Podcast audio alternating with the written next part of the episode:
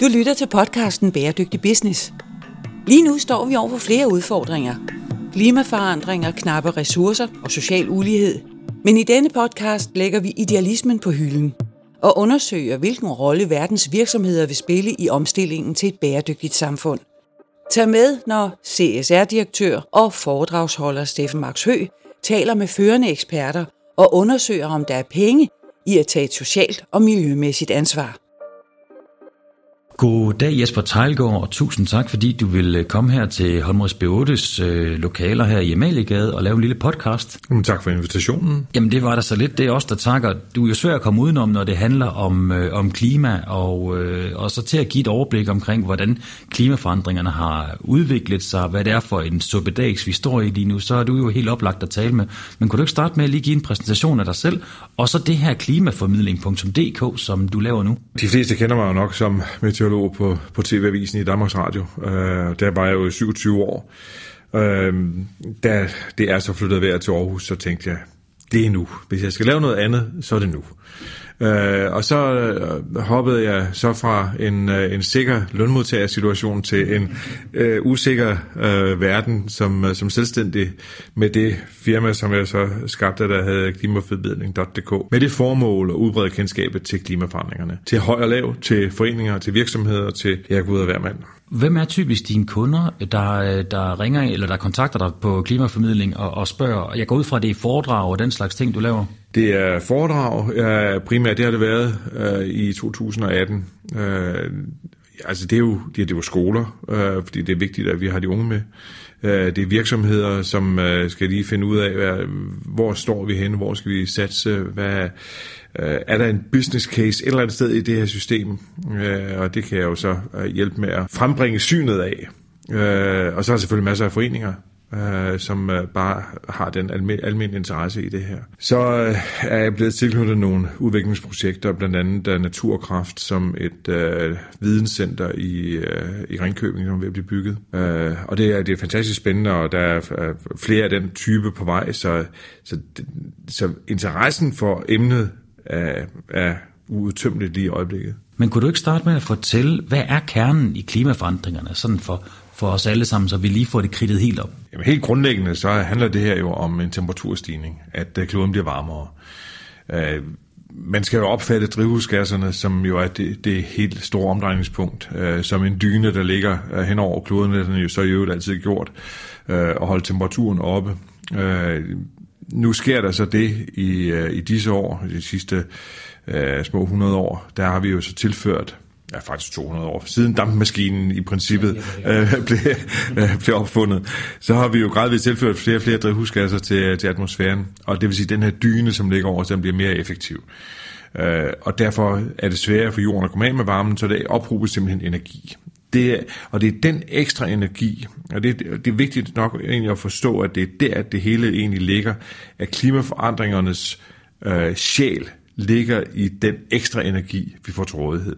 Og det er jo ikke sådan, at den her ekstra energi bliver brugt til det samme øh, hele tiden. Nogle år bliver den brugt til at afsmelte mere is. Nogle år så er mere opvarmning i havet. Nogle år er det opvarmning af atmosfæren. Nogle år så er det jo mere ekstremt vejr. Altså der, der er mange forskellige parametre, der kan, bruges, øh, der kan bruge den her energi.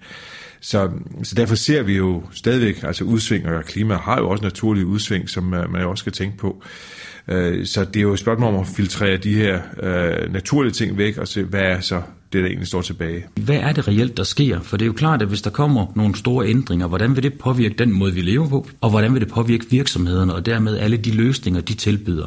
Så hvad er nogle af de der konsekvenser, vi kommer til at kunne se ved 2-3 grader stigning? Altså det er nok vigtigt at holde fast i, at øh, det, det der jo er det altafgørende for kloden som sådan, eller for menneskeheden, det er så øh, vel lidt storladende at sige med for menneskeheden, det er, at vores livsvilkår på den her sten, som vi bor på, øh, at de, den forandres. Nogle steder forandres den øh, mere end, end andre steder, men for alle mennesker vil man opleve den her forandring. Og det er jo mange forskellige øh, typer af forandringer. Bor man i kystområderne, så er det, man jo øh, kan se, det er havet, det, det stiger. Så er der andre steder, hvor, øh, hvor det er landbruget, der lider under det. Det kan være tørke, det kan også være mere ekstrem regn, det kan også være indtrængende saltvand i øh, nogle kystområder, og ikke mindst i, øh, i øområder ude i Stillehavet, hvor øh, saltvand trænger ind i markerne. Så er der isen, der smelter. Vi har jo eskimoer, inuitter og øh, folkeslag, der bor langt mod nord, og deres livsgrundlag øh, forsvinder jo også i takt med, at øh, isen bliver tyndere.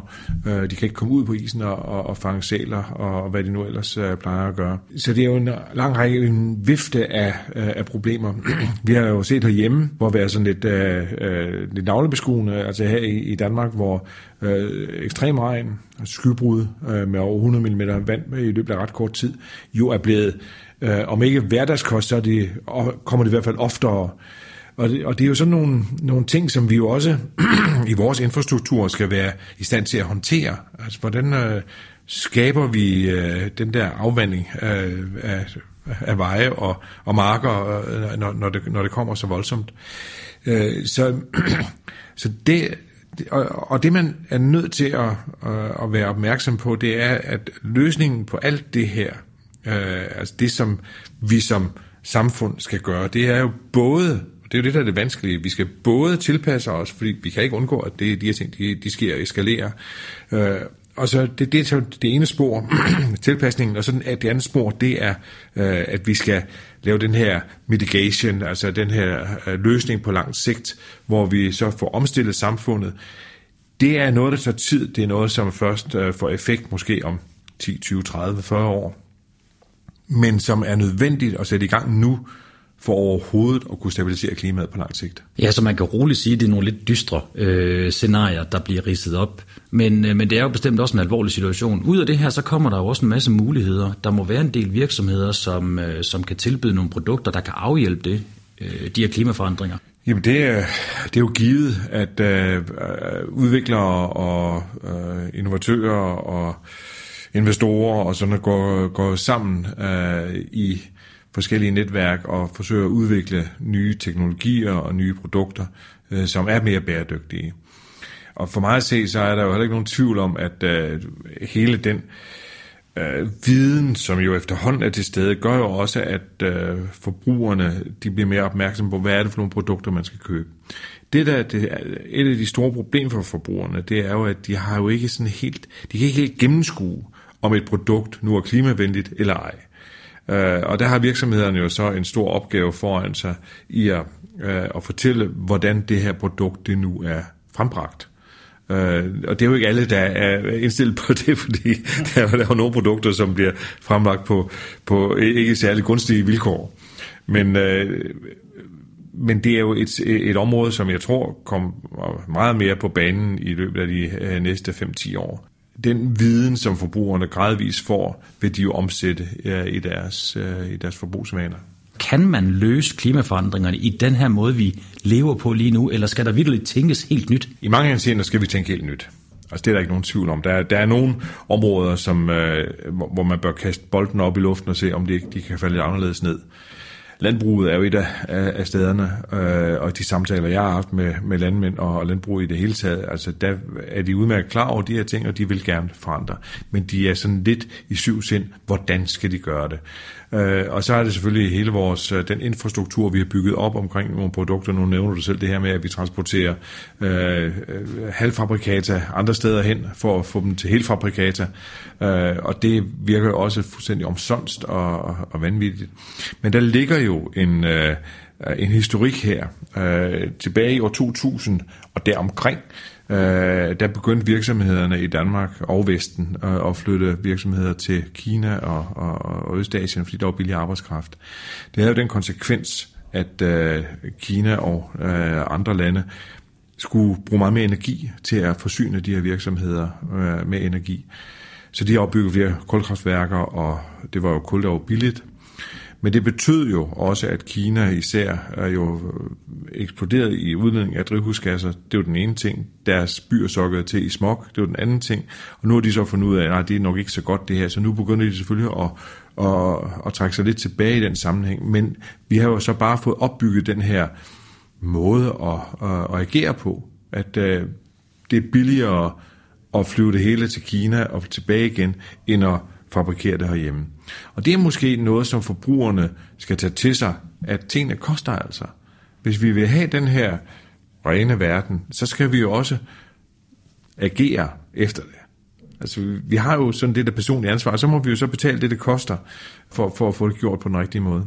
Jeg forestiller mig, at der er rigtig mange forbrugere, som rigtig gerne vil ind og være en del af den, øh, af den grønne omstilling og, og hjælpe der, hvor man nu engang kan med deres indkøb. Men hvad kunne virksomhederne gøre for at signalere, at de er klimavenlige? Kunne der være nogle bestemte ting, man kunne tage fat i? Altså, der, det, jeg har jo talt meget for mærkning af, af, af produkter af forskellige om. Øh, ja, en certificering på en eller anden måde. Vi har, men problemet er, at vi vælter os jo i certificeringer. Vi vælter os i markader, og der er ikke en djævel, der ved, hvad de alle sammen betyder. Om det er svanemærke, eller om det er pelikaner, eller om det er noget, noget andet. Og det er lidt et problem. Øh, så hvordan skal man håndtere det her? Jeg har snakket med klimaministeren om det nogle gange, og øh, nu ligger det jo så også i deres øh, klimaplan, at der skal en eller anden form for mærkning til. Hvem der skal stå for den, og hvordan den skal udformes, det er jo, øh, om det er fra jord til bord, eller om det er sådan det sidste, den sidste produktudvikling, eller hvordan skal, hvad skal medregnes. Ja, fordi så det nemt er, er det vel ikke at lave sådan en certificering? Altså, det er meget, meget svært, fordi hvis i realiteten det er jo det Concito, øh, de har øh, gået ind for den grønne tænketank, at man faktisk skal begynde øh, allerede der, hvor produkterne gror på marken, hvis det er det, det handler om, øh, og høst og for, øh, forarbejdning, transport og øh, indtil man egentlig står med produktet i hånden som forbruger. og det er jo typisk set også den rigtige måde at gøre det på. Den er bare næsten ikke til at overskue. I hvert fald ikke for almindelige konsumvarer. der er det måske nemmere, hvis man har sådan lidt større produkter, om det så er møbler, eller om det er biler, eller om det er noget andet. Altså, selvfølgelig kan lade sig gøre. Det er jo et spørgsmål om vilje.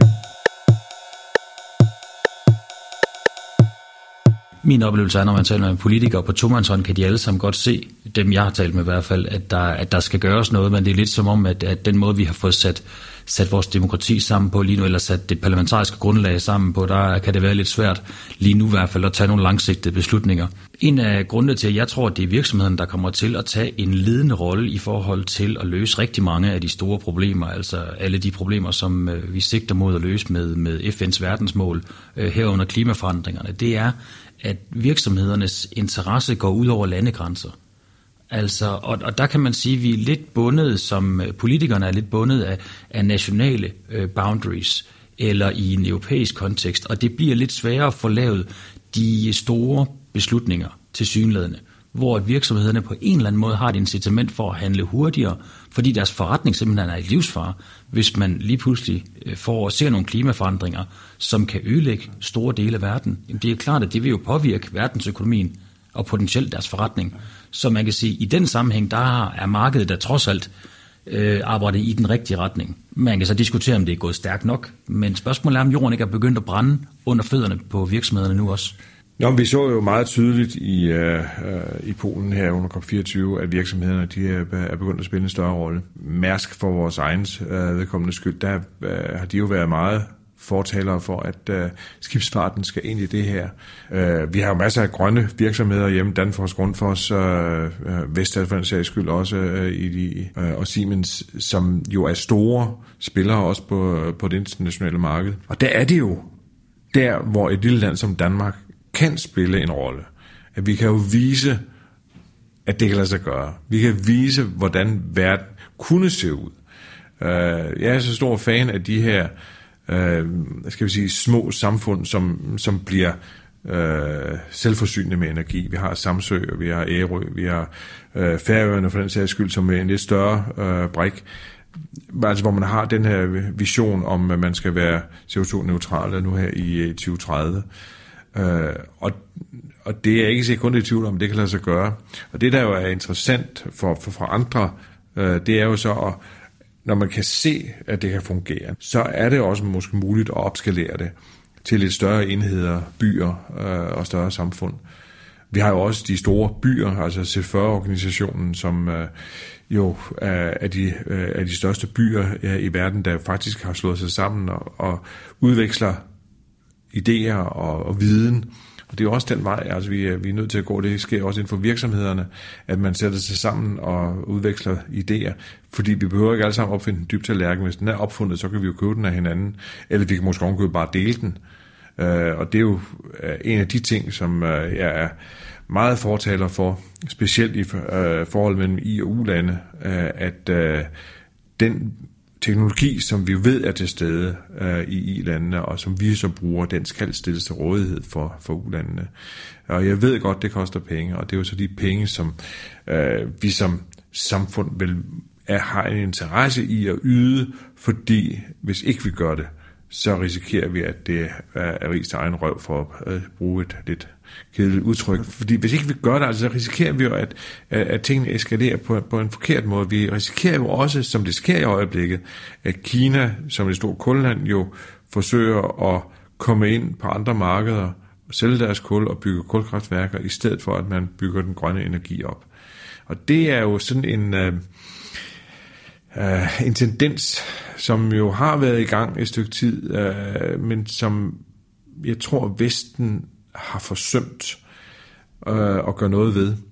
Altså det her med at øh, få indflydelse på de lidt mere urolige steder på, på kloden, komme ind og forsøge at styre begivenhederne lidt mere, end man har gjort. Vi har altså kun i form af nødhjælp, og det er fint med nødhjælp, men det forslår altså ikke sådan i, i, den, i, det, store, øh, i det store spil. Øh, så jeg er bange for, at kineserne de har set, at øh, de skal altså ind og, og sætte sig på mange af de her markeder.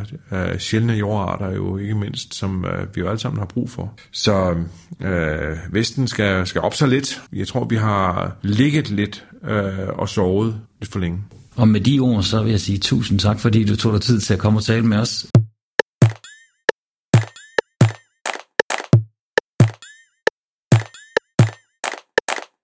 Vi skal jo tale med Mikkel øh, fra Too Good To Go, som er landechef i forbindelse med, øh, med klimaforandringerne, og hvordan er det, at, øh, at Too Good To Go egentlig spiller ind i den agenda. Så vi skal til at have fat i Mikkel nu. Mikkel han sidder og taler med en medarbejder, og jeg går ind og prikker ham på skulderen lige om et øjeblik. Hej Mikkel. Skal vi gå ind? Jeg har sat det hele op. Fedt.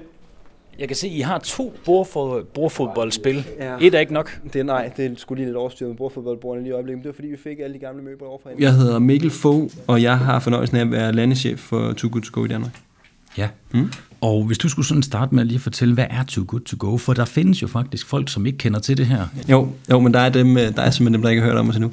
Too Good To Go er grundlæggende en app, der sigter mod at bekæmpe madspil. Og det gør vi ved at forbinde forretninger, der har mad til overs til sidst på dagen, med forbrugere, der er interesseret i at redde noget mad.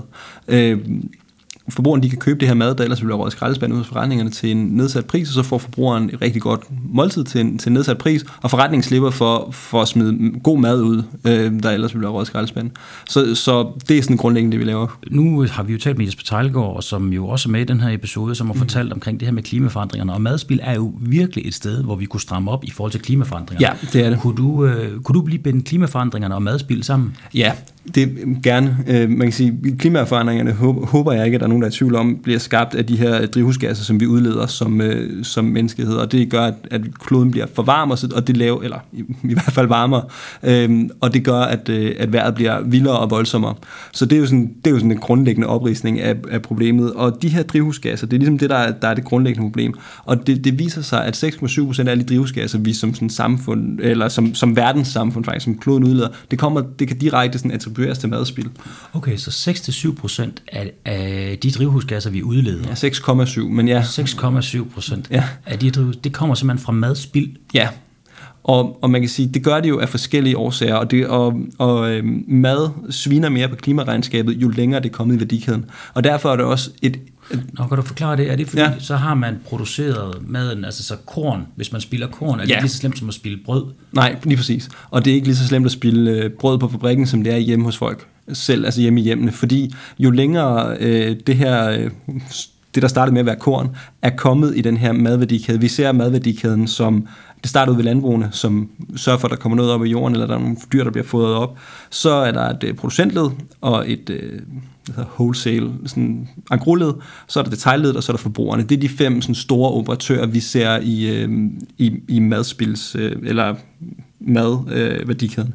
Og jo længere maden er kommet i den her værdikæde, før det bliver smidt ud, jo, jo flere øh, ressourcer er der sunket i det, både, både i penge, men også i, øh, i brændstof og i... Det er klart, det bliver transporteret frem og tilbage. Og... Ja, præcis. Og en masse energi, der er blevet sunket i det her produkt, for at få det til at, at, at, altså, at bage det, kræver også noget energi, og, og, hælde, og pumpe vand ind til en fabrik kræver energi. Så på den måde er der en, en hel masse øh, energiressourcer, der bliver pumpet i, øh, i fødevarene, jo længere de kommer i værdikæden. Og derfor er det også øh, et, et endnu større problem, at 50% af madspillet foregår i hjemmene, og, og at det ligesom er fordi det, det der, hvad, øh, hvad hedder det, maden er allerdyrest, kan man sige, for vores klimaregnskab. Det er der, vi bruger allerflest ressourcer på dem, så, så det er der, det er mest noget svineri. Så, så der er det her problem med madspil, er jo både at det er et klimaproblem, og at det er et økonomisk problem. Det er virkelig idiotisk, at vi smider så meget mad ud. Og så er der også det her med, at det egentlig er et etisk problem, at vi slår dyr ihjel, eller bruger klodens ressourcer på at dyrke korn, for så at smide det i skraldespand. Man kan sådan nærmest forestille sig, at hvis man tager alle sådan mellemregningerne ud, så kan du dybest set forestille dig, at vi tager og slagter en ko ud på, øh, på slagteriet, skærer den op til bøffer, og smider den ud hjemme i vores skraldespand. Det er bare på ingen måde okay. Når man stiller det op sådan, bliver det tydeligt for de fleste, at det ikke er okay, det vi har gang i. Så det er både et økonomisk et klima og et, etisk, altså et stort etisk problem, at vi smider mad ud på den måde, som vi gør. Og der er vel også noget med, at der stadigvæk er folk, der sulter på planeten. Og præcis. det taler vel også for, at vi som minimum skal spise op herhjemme, ikke? Som, øh... Jo, præcis. Eller, eller måske lade være med at købe så meget, så vi sikrer, at vi spiser op. Det er sådan en... ja, ja, det er klart, det er ja. klart. Hvis du skulle lige uh, rise de her forskellige ting op, I, siger, I arbejder på flere niveauer, ikke? Ja. fordi I hjælper virksomhederne med at komme af med deres sidste ting. Ja. Så der er jo et, et mindre spild der. Ja, lige præcis. Men så har I også en butik, hvor det er, at I sørger for, at brugte øh, eller ikke brugte madvarer, det, det er jo nok lige voldsomt nok. Ja, det er svært at gøre noget ved. Men hvor gamle madvarer kan komme ind, og så kan man sælge det. Ja, lige præcis. Mad, der, mad, der enten nærmer sig deres øh, bedst før dato, eller har overskrevet bedst før datoen, fordi en masse fødevarer kan faktisk sagtens både spises og drikkes, efter de overskrevet deres bedst før dato. Det handler om, at man lige bruger sine sanser og smager på dem og dufter til dem, og sådan tjekker, om de er okay, så kan man godt spise. Altså ris for eksempel kan holde sig i altså nærmest overvis, havde han sagt, efter deres bedst før dato. Der er simpelthen bare en lovgivning, der gør, at der skal være en bedst før dato på ris. Ja. Så det er den type varer, varer hvor, hvor, hvor vi øh, enten bare på grund af varens natur er sikker på, at den er okay, eller ved, ved at vi selvtest kan, ved selvtest ligesom kan tjekke varen, at den er okay. Det er den type vare, vi har nede i butikken. Og det er fordi, vi indtil vi åbnede butikken på Frederiksberg i august sidste år, der havde vi mest arbejdet sammen med detaljledet. Det er jo der, hvor, hvor vores apps er oplagt at bruge til at bekæmpe madspil og være en platform. Men der, der foregår også rigtig meget madspil i, øh, i producentet, som ligger før detaljledet igen i den her madværdikæde, vi, vi taler om. Og og producentledet har vi svære ved at forbinde direkte med forbrugere, fordi mange producenter bare ikke er gearet til at, at håndtere udlevering til forbrugere. Men, men så, så vi, vi udleverer en masse varer dernede fra. Det er en måde at måle på, men, men det den butik også giver os, man kan sige, der bevæger vi os fra at være en ren internetvirksomhed til også at være en fysisk virksomhed, som, og det giver en anden tilstedeværelse i folks bevidsthed, at Too Good To Go er noget andet og mere end i gåsøjne bare en app, og det giver os et rigtig godt sted at, at, øhm, at tale ind i bevægelsen mod madspil og holde nogle arrangementer, fordi vi er, så er vi i, på et madspilsted, som vi selv ejer, og som vi har mulighed for at invitere folk ned til, og, det, og, det, og folk kommer derned og hører, når vi, når vi har noget, vi gerne vil sige, og det er vi helt vildt glade for. Det, øh, vi bruger det til for eksempel at have studerende ned en gang hver måned, så de her studerende gerne vil skrive opgaver om os for eksempel, de, dem inviterer vi ned i butikken, og så har vi en af vores medarbejdere, der, der svarer på de spørgsmål, de måtte have, sådan, så de kan komme videre med deres opgaver om, hvordan vi kan bruge forretningsmodeller for eksempel til andre bæredygtighedsmål. Ja, fordi jeg kunne godt tænke mig at snakke lidt mere omkring det her med strategien i, at man vælger at få en fysisk butik, ja. fordi det er jo, det er jo decideret at gå kontra på, på trenden lige nu, om man vil. Der har ja, været de sidste 10 år, hvor man lukker så mange fysiske butikker som ja. muligt og kører det hele over i noget, noget internethandel ja. i stedet for. Men det, som jeg hørte dig sige, det er, at I får en bredere platform, så I kommer ud og taler mere med, øh, med befolkningen. At ja, det er, nemlig, det er nemlig lige præcis det, vi har, har mulighed for med butikken. Og hvor er økonomidelen i det? Hvad er det, der ligesom får det til at rykke? Jamen, den er ikke sådan helt vildt vigtig, hvad, hvad den butik angår. Altså, det er, det er et erklæret mål for os, at vi vil gøre noget mod, mod madspil, og, og gøre noget positivt for bevægelsen imod madspil. Så på den måde er det ikke økonomien, der driver foretagene nede på Frederiksberg. Det, handler, det handler sgu om, at vi... Sorry. Nej, det, det, handler, det handler om, at vi, vi har en mulighed for at se forbrugere og producenter og andre samarbejdspartnere i madspilsarenaen i øjnene og sige, skal vi, skal vi ikke tage at gøre noget ved det her problem?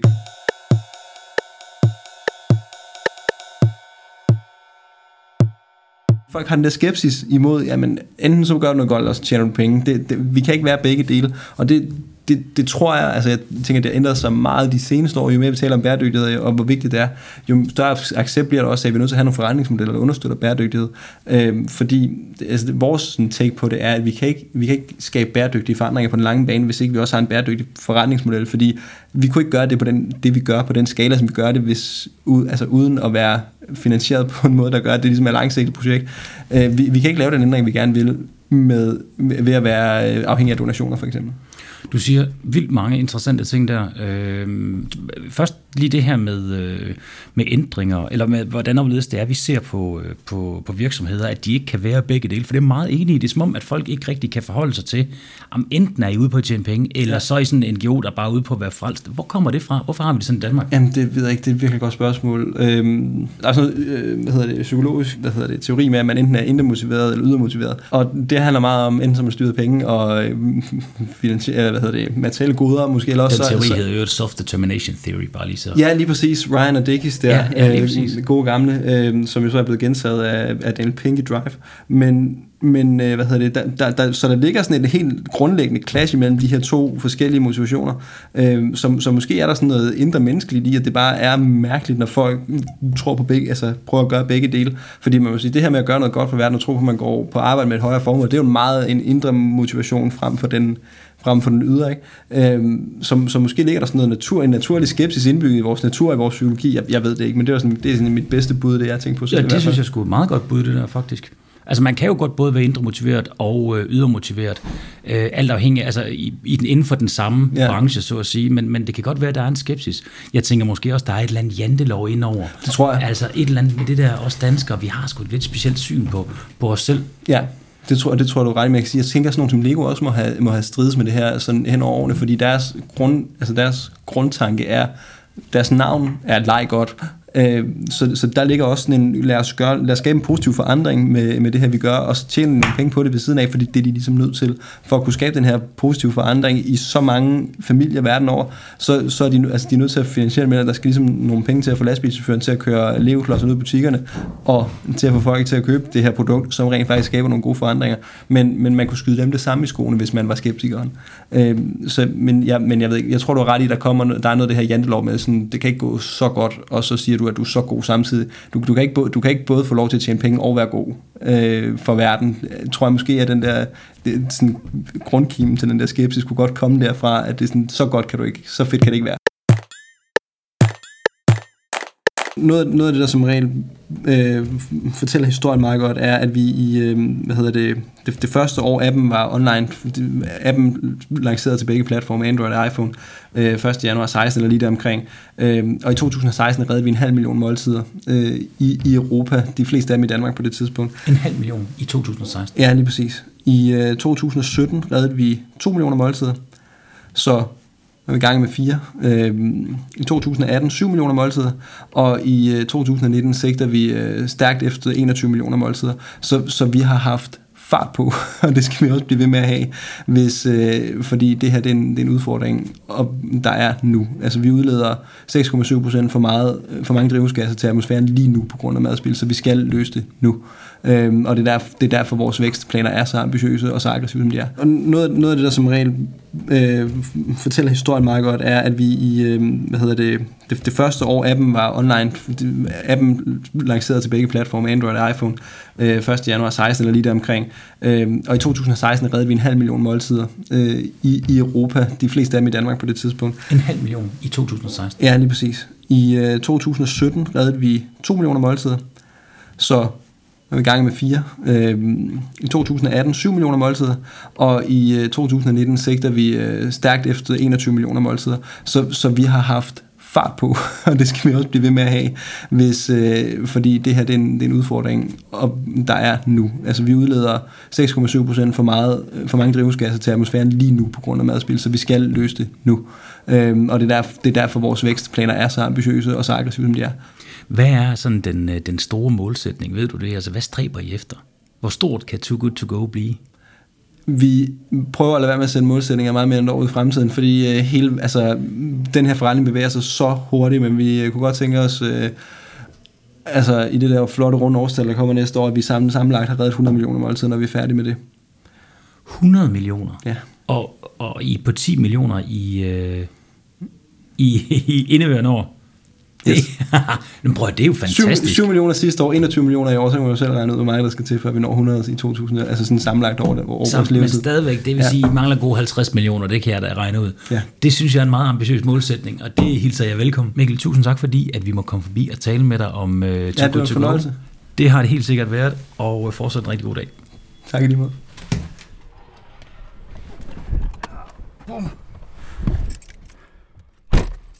Så sidder jeg inde i bilen, efter jeg har lavet et interview med øh, Mikkel fra Too Good To Go omkring øh, madspild, og hvordan det har påvirket øh, klimaforandringerne.